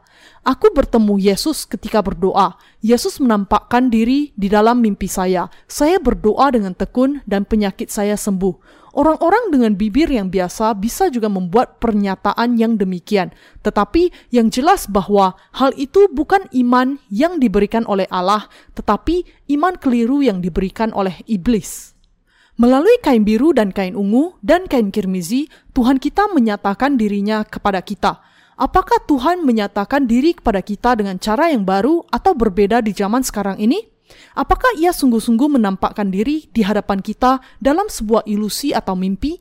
Ia nampak seperti membawa belenggu besar di kakinya, berdarah di sekujur tubuhnya, memakai mahkota duri di kepalanya, dan mengatakan, Lihat, beginilah aku menderita bagimu. Sekarang, apa yang engkau buat bagiku? Apakah begini Tuhan menyatakan diri kepada kita? Semua ini tidak masuk akal. Namun, masih ada orang-orang yang setelah mendapatkan mimpi yang begini membuat janji di hadapan Allah. Tuhan, aku akan menjadi hambamu dan melayani engkau dengan segenap hatiku sepanjang kehidupanku. Aku akan membangun rumah doa di sini. Aku akan membangun gereja di sini. Aku akan memikul salibku di sepanjang hidupku dan menyaksikan namamu di seluruh bangsa dan seluruh penjuru dunia. Pada kenyataannya, kita bisa dengan mudah bertemu dengan para pengkhotbah renungan seperti itu di jalanan atau tempat-tempat umum, tanpa kecuali mereka adalah kaum mistik yang mengatakan bahwa mereka memutuskan untuk hidup demikian setelah melihat Yesus di dalam mimpi atau mendengar suara Tuhan ketika sedang berdoa. Tetapi Tuhan menyatakan dirinya hanya melalui firman-Nya. Ia tidak berbicara kepada kita di dalam mimpi atau saat berdoa, khususnya di masa ketika semua firman-Nya sudah diberikan kepada manusia. Mimpi hanyalah sebuah sisi yang sangat rumit dari alam bawah sadar manusia. Orang-orang ini mendapatkan mimpi demikian karena mereka memiliki berbagai imajinasi tentang Yesus dalam kasih mereka yang tidak terbalas dan memikirkannya terlalu banyak. Ketika pikiran Anda terlibat sangat dalam kepada beberapa hal tertentu sebelum Anda lelap tidur, kemungkinan Anda akan melihat hal yang sama di dalam mimpi Anda juga. Demikianlah mimpi terjadi di alam bawah sadar Anda. Inilah sebabnya kalau kita berpikir sangat banyak tentang satu hal, kita akan mendapatkan berbagai macam mimpi yang aneh. Semua tidak ada hubungannya dengan iman, tetapi hanyalah refleksi dari perubahan fisik atau alam bawah sadar. Inilah sebabnya kalau manusia berpikir banyak tentang Yesus yang mencurahkan darah di kayu salib, di dalam mimpi mereka dia muncul mengenakan mahkota duri di kepalanya. Sebenarnya tidak ada apa-apanya di dalam mimpi itu, tetapi kalau ada orang yang menanggapi terlalu serius akan menjadi kesalahan yang sangat berbahaya. Bagaimana kalau Yesus menampakkan diri kepada mereka berdarah-darah di sekujur tubuhnya dan sungguh-sungguh mengatakan, apa yang engkau lakukan untukku? Engkau harus menjalani kehidupan yang pertapa sepanjang hidupmu. Demi aku, seharusnya engkau tidak memiliki barang apa pun. Ada orang-orang yang bodoh yang sungguh-sungguh mau meninggalkan semua miliknya untuk hidup demikian. Apakah ada orang yang sangat takut karena mimpi yang demikian atau yang hidupnya berubah karena hal itu? Tidak lain dari orang-orang mistikisme yang demikian. Allah menemui kita melalui firman-Nya. Ia bukanlah yang bisa kita temui di dalam mimpi atau penglihatan ketika berdoa. Firman Allah tertulis di dalam Perjanjian Lama dan Perjanjian Baru, dan ketika kita mendengarnya diwartakan dan menerimanya ke dalam hati kita, itulah roh kita bisa bertemu dengan Dia di dalam firman. Jadi, dengan kata lain, melalui firman dan hanya melalui firman saja, roh Anda bisa bertemu dengan Allah. Dari firman inilah kita bisa mengetahui bahwa Yesus menanggung segala dosa kita ke atas dirinya dengan baptisannya. Dengan mendengar firman inilah kita bisa percaya di dalam hati kita. Jawaban untuk pertanyaan mengapa Yesus harus mati di kayu salib juga bisa kita temukan di dalam firman. Karena Yesus menanggung segala dosa ke atas dirinya melalui baptisannya sehingga ia mati di kayu salib dan menyelamatkan kita. Melalui firman kita mengenal Allah dan melalui firman kita bisa percaya kepadanya. Bahwa Yesus Kristus itu Allah juga bisa kita ketahui dan percayai hanya melalui firman. Bagaimana kita percaya kepada Allah kalau bukan karena firman Allah yang tertulis? Kalau tidak ada firman Allah, bagaimana kita bisa bertemu dan percaya kepada Yesus yang sudah membuat segala dosa kita terhapus? Kalau tidak ada firman Allah, iman kita tidak akan berarti. Ini pandangan saya. Kita bisa saja menyampaikan pemikiran kita, tetapi itu bukan kebenaran, dan ketika hati kita dipenuhi dengan apa yang tidak benar, maka kebenaran yang sebenarnya tidak bisa masuk ke dalam hati kita. Hal yang benar untuk dikatakan bukanlah "ini pandangan saya", tetapi ini yang dikatakan Alkitab.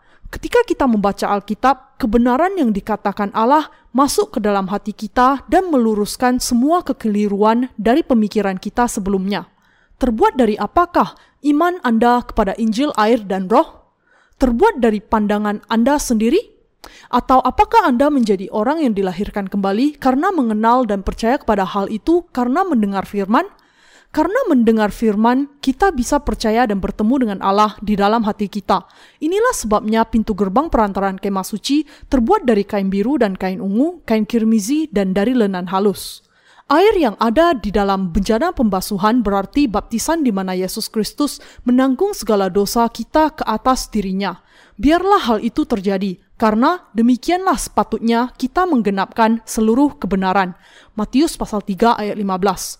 Melalui firman Allah, kita bisa mengenal baptisan yang dengannya Yesus menanggung segala dosa dunia ke atas dirinya. Karena dari firmanlah kita mengenal baptisan Yesus yang menanggung segala dosa yang Anda dan saya lakukan di sepanjang kehidupan kita. Firman ini sudah membuat kita memiliki iman kepada baptisan di dalam hati kita. Melalui firman inilah kita bisa menemukan kebenaran yang terkandung di dalam bejana pembasuhan. Dari firman Allah, kita melihat bahwa bejana pembasuhan terbuat dari perunggu. Di dalam Alkitab, perunggu berarti penghukuman. Demikianlah Makna dari bejana pembasuhan perunggu adalah bahwa ketika kita memandang diri kita sendiri di hadapan hukum Taurat yang berfungsi memantulkan gambaran diri kita, kita ditentukan untuk dihukum. Inilah sebabnya bejana pembasuhan dibuat dari cermin para wanita yang melayani di kemah suci. Tuhan sudah menyelamatkan kita yang tidak bisa tidak menghindar dari penghukuman karena dosa kita dengan datang ke dunia ini dibaptiskan dan mati di kayu salib. Melalui firman Allah yang tertulis, kita bisa mengetahui bahwa karena Yesus dibaptiskan sehingga ia menanggung segala dosa ke atas dirinya, naik ke kayu salib dan menanggung penghukuman atas dosa. Dan karena kita menerima kebenaran ini di dalam hati kita sehingga kita bisa diselamatkan. Bagaimana dengan Anda? Sudahkah Anda diselamatkan? Dalam sebuah denominasi tertentu yang mengikuti mistikisme, mereka mengatakan bahwa anggota-anggotanya harus mengenal tanggal yang pasti dari keselamatan mereka di bulan dan hari apa mereka diselamatkan.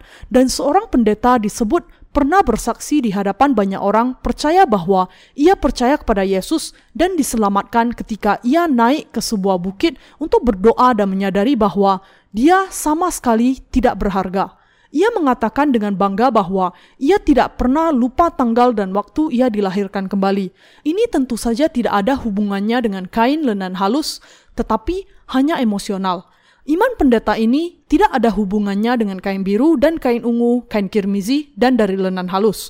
Keselamatan yang diajarkan denominasi ini tidak ada hubungannya dengan keselamatan sejati yang terbuat dari firman Allah, tetapi hanya buatan mereka sendiri sangat mungkin untuk menghipnotis seseorang. Kalau orang tetap mengatakan bahwa mereka tidak memiliki dosa dan senantiasa berpikir seperti itu, maka mereka akhirnya akan terhipnotis oleh dirinya sendiri dan menjadi tidak memiliki dosa karena dirinya sendiri. Kalau mereka mengulangi mantra itu sendiri, maka mereka akan sungguh-sungguh merasa bahwa dirinya tidak memiliki dosa, tetapi perasaan seperti itu tidak akan bertahan lama.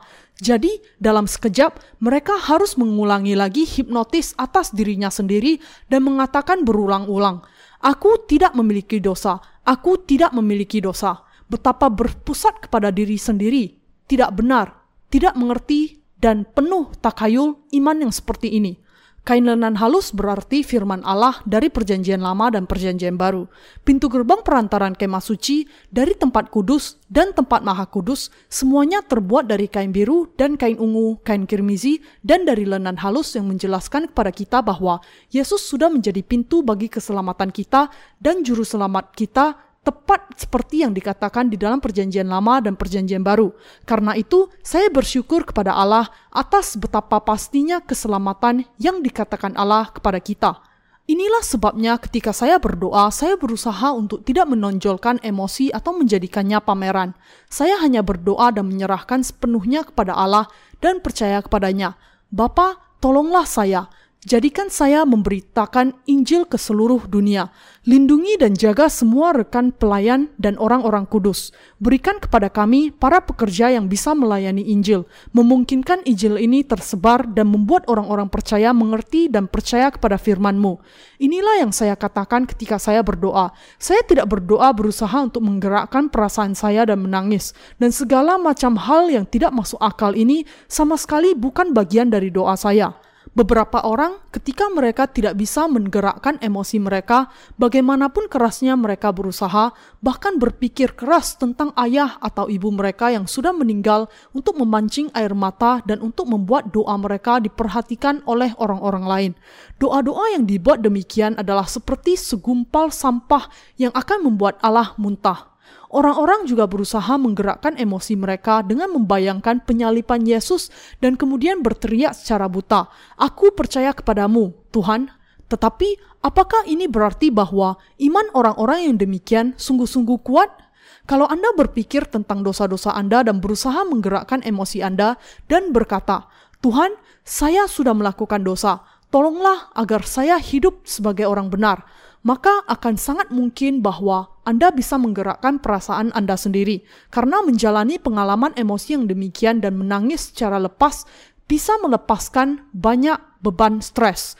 Banyak orang yang merasa segar berpikir bahwa hal itu berkaitan dengan iman mereka. Meskipun hidup mereka penuh dengan masalah, pengalaman emosi yang demikian paling tidak membuat mereka merasa lebih baik untuk sesaat, dan kemudian mereka bisa melanjutkan kehidupan keagamaan mereka dengan cara demikian.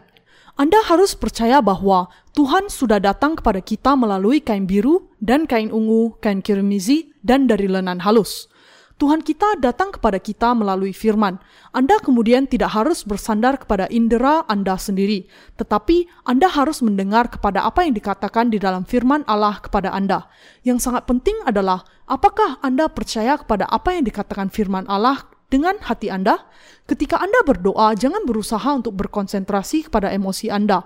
Namun, Anda harus mengendalikannya sampai taraf yang selayaknya. Mengapa? Karena ada banyak pendusta di dunia ini yang mendekati orang-orang yang rentang emosinya dan terdorong untuk mengambil keuntungan dari lubang emosional mereka. Karena orang sering kali kehilangan bagian intelektual ketika mengejar perasaan mereka, ketika kebaktian kebangunan rohani diadakan di bawah bendera kebaktian kebangunan rohani besar, tujuannya lebih sering untuk menggerakkan emosi pesertanya. Namun, setelah saya dilahirkan kembali, saya tidak bisa menyukai kebaktian yang demikian, bahkan kalaupun saya berusaha, karena memberitakan firman Allah bukanlah mempengaruhi emosi orang lain seperti yang terjadi di dalam kebaktian kebangunan rohani besar di dunia ini. Karena saya sudah dilahirkan kembali karena firman kebenaran, saya sudah lama mengucapkan selamat tinggal kepada aspek emosi yang digunakan untuk mencampuri kehidupan rohani saya kita orang-orang benar yang mendengar firman Allah, menggunakan intelek kita dan percaya dengan hati kita dan tidak pernah mengutamakan dorongan gerakan emosi. Kita percaya kepada kebenaran ini dengan cepat menyadari bahwa apakah seseorang memberitakan firman Allah sebagaimana adanya kepada kita atau tidak, dan dengan cepat membedakan apakah seseorang memberitakan kepada kita dengan sungguh-sungguh penuh kepercayaan atau tidak. Karena kita tahu dan yang sungguh-sungguh percaya kepada kebenaran kain biru dan kain ungu, kain kirmizi, dan dari lenan halus memiliki roh kudus di dalam hati kita, kita menyadari bahwa dorongan emosi semata sangat jauh dari kebenaran dan kita menerima hanya kebenaran yang sejati di dalam hati kita. Yesus datang kepada kita dengan kain biru dan kain ungu, kain kirmizi dan dari lenan halus. Betapa ajaib kebenaran ini, betapa indahnya kasih Tuhan kita yang sudah menyelamatkan kita. Melalui empat sisi karya Yesus yang tertulis di dalam firman Allah, kita semua menjadi percaya bahwa Yesus menanggung segala dosa ke atas dirinya melalui baptisannya, dan dengan itu menyelamatkan kita dengan penggenapannya atas semua kebenaran. Apakah Anda percaya kepada kebenaran ini di dalam hati Anda? Orang-orang yang memberitakan Injil harus memberitakannya di dalam kain lenan halus, yaitu firman Allah di dalam Perjanjian Lama dan Perjanjian Baru, dan isinya haruslah kain biru dan kain ungu dan kain kirmizi. Dan orang-orang yang mendengar harus menerimanya ke dalam hati mereka dan percaya kepadanya dengan sepenuh hati. Air di dalam bejana pembasuhan membasuh dosa-dosa kita. Melalui baptisannya, Yesus menanggung segala dosa ke atas dirinya dan membasuhkan semuanya. Baptisan Yesus menunjuk kepada air di dalam bejana pembasuhan. Ia sudah menyucikan kita yang harus masuk neraka karena dosa-dosa kita dan memampukan kita untuk berdiri di hadapan Allah. Karena Yesus menanggung segala dosa ke atas dirinya melalui baptisannya, ia bisa naik ke kayu salib dan membasuhkan semuanya dengan disalibkan sampai mati. Kedua baptisan Yesus dan salibnya memberi kesaksian bahwa Yesus menanggung penghukuman atas segala dosa kita. Melalui baptisan dan kayu salib, Yesus menggenapi keselamatan kita. Menaikkan doa pertobatan tidak akan pernah menghapuskan dosa-dosa kita, karena Yesus sungguh-sungguh sudah menanggung segala dosa kita melalui baptisannya, sehingga dosa-dosa kita sudah dihapuskan. Dengan mendengarkan firman dan percaya kepada apa yang dilakukan Yesus bagi kita, itulah yang bisa membebaskan kita dari penghukuman atas dosa-dosa kita. Namun, karena penghukuman yang sudah ditanggung oleh Yesus, kita semua juga sudah menanggung penghukuman atas dosa kita melalui iman kita kepada baptisannya. Sungguh, kita sudah diselamatkan karena iman. Dalam satu sisi, keselamatan kita sangatlah sederhana. Kalau kita percaya kepada anugerah dan kasih keselamatan, kita bisa diselamatkan. Tetapi kalau kita tidak percaya, maka kita tidak akan diselamatkan. Selain keselamatan yang digenapi Allah, tidak ada yang bisa kita lakukan untuk diselamatkan. Kita tidak bisa melakukan apa-apa bagi keselamatan kita.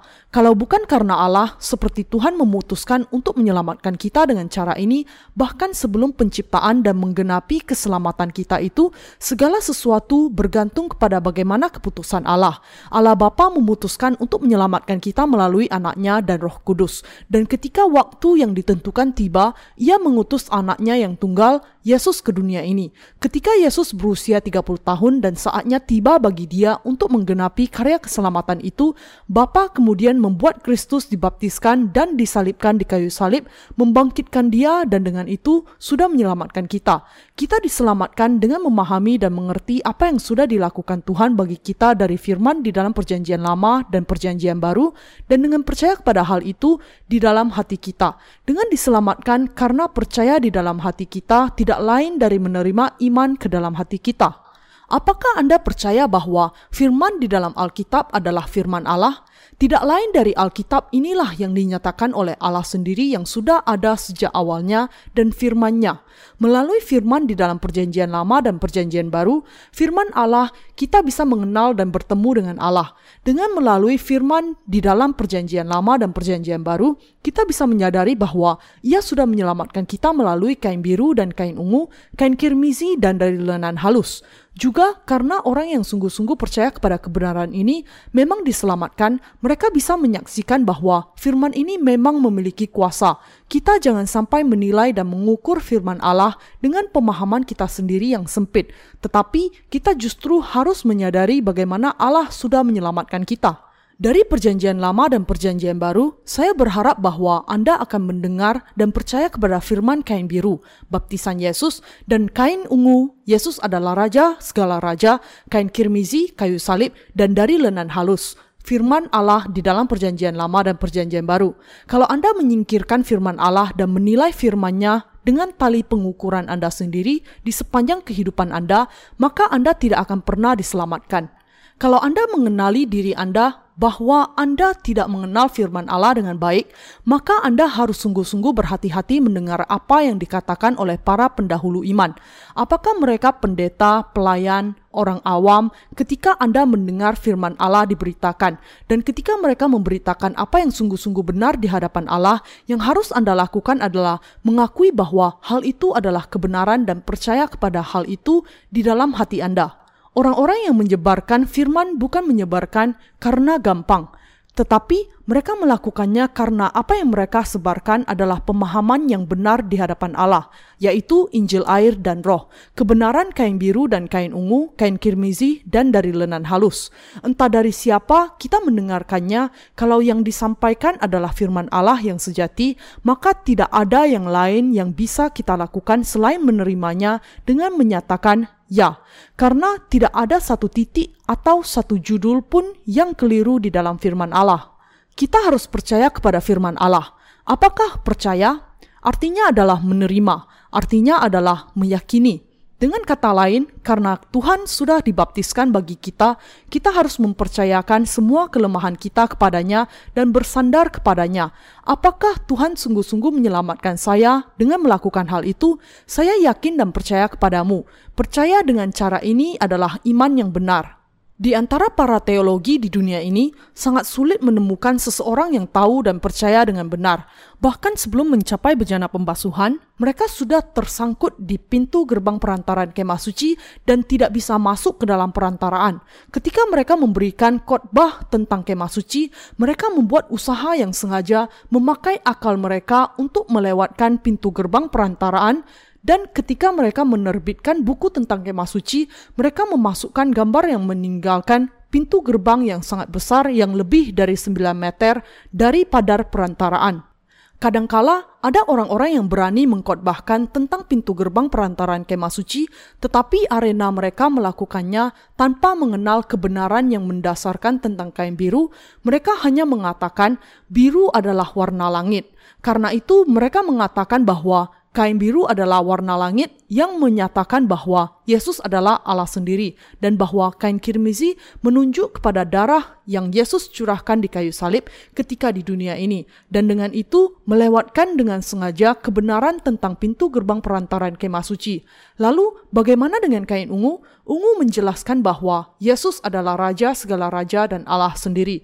Keilahian Yesus sudah tergambar di dalam kain ungu secara sempurna sehingga tidak perlu untuk menjelaskan kebenaran ini dengan warna lain dari kain yang ada. Kebenaran kain biru adalah bahwa Yesus datang ke dunia ini dan menanggung segala dosa manusia ke atas dirinya sekaligus dengan dibaptiskan oleh Yohanes. Tetapi teologi dunia ini karena mereka tidak mengenal baptisan Yesus ini tidak bisa memahaminya dan tidak memberitakannya dan hanya mengucapkan perkataan mereka yang sangat tidak masuk akal. Orang-orang yang tidak dilahirkan kembali karena tidak percaya kepada Yesus yang datang dengan kain biru dan kain ungu, kain kirmizi dan dari lenan halus tidak tahu bahwa Yesus menanggung segala dosa ke atas dirinya melalui baptisan dan menanggung semua penghukuman mereka. Demikianlah, mereka sudah menjadi buta rohani dan tidak bisa membuka rahasia firman dan karena itu mereka sudah menjadikan firman Allah hanya sekedar bagian agama dengan memenafsirkannya secara kehendak hati berdasarkan pemikiran mereka sendiri. Mereka mengajarkan, percaya kepada Yesus, Anda akan diselamatkan. Jadilah rendah hati dan baik sejak saat ini mereka sudah menjadikan iman kepada Yesus Kristus hanya sekedar agama yang menekankan perbuatan baik saja. Karena manusia tahu bahwa mereka tidak bisa menjadi baik betapapun kerasnya mereka berusaha, mereka bisa dengan mudah tertipu oleh kata-kata yang demikian yang memunculkan keinginan manusia untuk berusaha menjadi baik. Agama mengikuti pola yang sama. Kalau Anda berusaha, Anda bisa, atau usahakanlah yang terbaik untuk hidup kudus. Tema yang sama yang mewarnai semua agama adalah bahwa semuanya menganggap tinggi pemikiran, usaha, dan kehendak manusia. Bagaimana dengan contohnya agama Buddha? Agama Buddha menekankan usaha yang tiada hentinya untuk kehendak manusia serta mengajarkan para pengikutnya untuk menjadi kudus karena upaya sendiri dan mengatakan, jangan membunuh, carilah kebenaran dan lakukan kebaikan. Dalam beberapa hal, pengajarannya hampir sama dengan doktrin Kristen. Alasan mengapa kekristenan dan Buddha nampak mirip meskipun sebenarnya sangat bertolak belakang adalah kalau keduanya sekedar menjadi agama saja. Agama dan iman sangat berlainan. Iman yang benar mengerti dan menerima ke dalam hati kita anugerah bahwa Tuhan kita yang sudah menyelamatkan kita sepenuhnya melalui kebenaran Allah sudah berikan kepada kita. Iman adalah menerima pengampunan dosa dengan percaya di dalam hati kita bahwa Tuhan datang ke dunia ini dan dibaptiskan untuk menanggung segala dosa ke atas dirinya dan bahwa ia menanggung semua penghukuman bagi dosa-dosa kita dengan disalibkan. Percaya bahwa Tuhan sudah membebaskan kita dari segala dosa dan kutukan kita dengan menyelamatkan kita melalui air dan roh adalah iman itu sendiri. Percayakah Anda? Kita harus sungguh-sungguh percaya dengan sepenuh hati kita. Allah sudah menyelamatkan Anda dan saya dari segala dosa kita. Demikianlah yang harus kita lakukan hanyalah percaya kepada hal ini di dalam hati kita dan menerimanya. Inilah yang harus dilakukan anak-anak Allah yang taat di hadapannya dan semua yang lain tidak sepenting itu. Karena Allah sangat mengasihi Anda, ia mengutus anak tunggalnya ke dunia ini, membuat dia menanggung segala dosa Anda kepada dirinya dengan dibaptiskan, membuat dia disalibkan dan mencurahkan darah, dan membiarkan dia mati dengan menghukum dia, membangkitkan dia, dan dengan itu menyelamatkan Anda dari segala dosa Anda. Kemudian, kalau Anda tidak percaya kepada kebenaran ini, bagaimana perasaan Allah? Bahkan sekarang kalau Anda mau menjadi anak-anak yang taat yang bisa menyenangkan hatinya, maka Anda harus percaya bahwa Allah sudah melalui anaknya menanggung segala dosa Anda dan menyelamatkan Anda dari dosa-dosa itu. Kalau Anda percaya di dalam hati Anda dan dengan penuh syukur, maka Anda harus mengakuinya dengan bibir Anda. Apakah Anda ingin percaya kepadanya, tetapi nampaknya terlalu sulit untuk percaya di dalam hati Anda? Kalau begitu, coba mengaku iman Anda dengan bibir Anda. Ketika Anda mengakui bahwa Anda percaya, maka iman akan ditanamkan dan bertumbuh sedikit demi sedikit. Iman adalah milik orang-orang yang berani mengambilnya. Mari kita bayangkan sejenak bahwa saya memiliki cincin berlian. Mari bayangkan lagi bahwa saya ingin memberikannya kepada Anda. Tetapi ada di antara Anda yang menolaknya dengan mengatakan bahwa ia tidak percaya kalau itu adalah cincin berlian yang sesungguhnya. Meskipun cincin itu sungguh-sungguh berlian, karena orang ini tidak percaya, maka itu menjadi bukan berlian baginya, karena ia sekarang kehilangan kesempatan untuk mendapatkan cincin berlian yang sesungguhnya. Iman itu demikian. Kalau ada ahli perhiasan yang membuktikan kepada orang banyak dengan pernyataan tertulisnya bahwa cincin itu memang terbuat dari berlian, mereka akan bisa percaya. Allah sudah menjelaskan secara terperinci melalui firman-Nya yang tertulis bahwa keselamatan yang diberikannya kepada kita itu benar. Dan orang-orang yang percaya kepada keselamatannya karena firman-Nya menyaksikan hal itu menjadi orang-orang yang beriman. Memang sulit bagi saya untuk percaya bahwa itu memang kenyataan, tetapi karena engkau yang adalah yang mutlak mengatakan bahwa hal itu benar, maka aku percaya demikian juga. Ketika manusia kemudian menjadi percaya, mereka kemudian bisa menjadi manusia beriman dan anugerah yang terindah yang dijanjikan akan menjadi milik mereka. Di sisi lain, ada jenis iman yang lainnya. Mari kita bayangkan ada penjahat yang memalsukan sebuah cincin berlian dan bahwa ada orang yang membelinya karena terpengaruh oleh kecemerlangan warnanya dan menjadi yakin bahwa cincin itu sungguh-sungguh berlian. Orang ini sungguh-sungguh yakin bahwa ia membuat keputusan yang bijaksana, sementara kenyataannya ia dibohongi. Ketika orang percaya kepada kesaksian yang keliru yang mengatakan kalau sebuah cincin terbuat dari berlian, sementara sebenarnya tidak, maka berlian yang palsu ini kemudian menjadi seperti asli bagi mereka yang percaya, karena mereka secara buta percaya bahwa memang cincin itu terbuat dari berlian, tetapi yang mereka miliki tentu saja tetap palsu. Demikian juga ada orang-orang yang memiliki iman yang palsu, meskipun mereka yakin kepada iman mereka itu, tetap saja iman itu palsu karena tidak berdasar dan mistik dan tidak berasal dari firman Allah. Allah mengatakan, "Jangan menyembah ilah lain selain Aku." Firman Allah adalah Allah sendiri, dan Firman mengatakan bahwa kalau kita tidak dilahirkan dari air dan Roh, kita tidak akan bisa masuk ke dalam kerajaan Allah. Yohanes pasal 3 ayat 5. Allah mengatakan bahwa tanpa terlebih dahulu melalui pintu gerbang perantaran kemah suci yang terbuat dari kain biru dan kain ungu, kain kirimizi, dan dari lenan halus, kita tidak bisa masuk ke dalam perantaran kemah suci, dan bahwa mereka yang tidak terlebih dahulu membasuh tangan dan kakinya di bejana pembasuhan tidak bisa masuk ke dalam kemah suci. Karena firman ini adalah kebenaran, maka semua yang lain hanyalah palsu. Hanya iman kepada kebenaran yang merupakan iman yang benar, dan iman kepada semua yang lain hanyalah palsu. Tidak peduli bagaimana sungguh-sungguhnya seseorang mungkin percaya, yang dipercayainya sebagai firman Allah sebenarnya bukan firman Allah sampai akhir. Ketika Yesus mengatakan bahwa ia sudah menghapus dosa Anda dengan baptisan dan darahnya di kayu salib, yang harus Anda lakukan hanyalah percaya.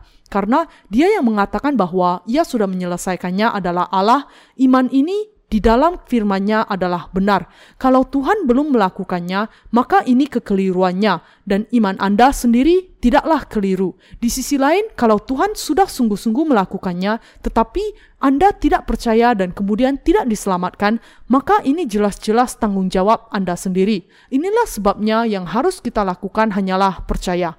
Kita harus percaya apa yang dikatakan Allah kepada kita melalui gerejanya. Apakah Anda percaya? Apakah firman yang disampaikan melalui gerejanya?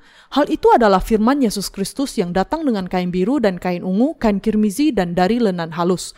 Gereja mewartakan semua firman Allah bahwa Yesus menanggung segala dosa ke atas dirinya dengan dibaptiskan, bahwa Yesus adalah Allah sendiri dan bahwa ia menanggung penghukuman atas segala dosa kita di kayu salib. Iman kepada kebenaran ini bahwa Yesus memang sudah menyelamatkan kita adalah iman berlian asli yang dijamin oleh Allah.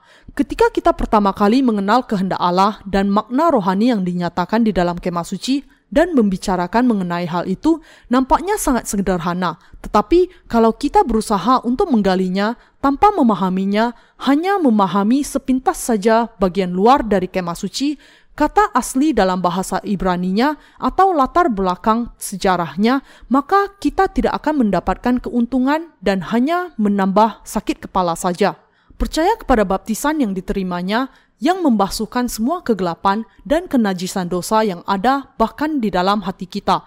Baptisan berarti membasuh dosa, menanggungkan, menguburkan, memindahkan, dan menutupi.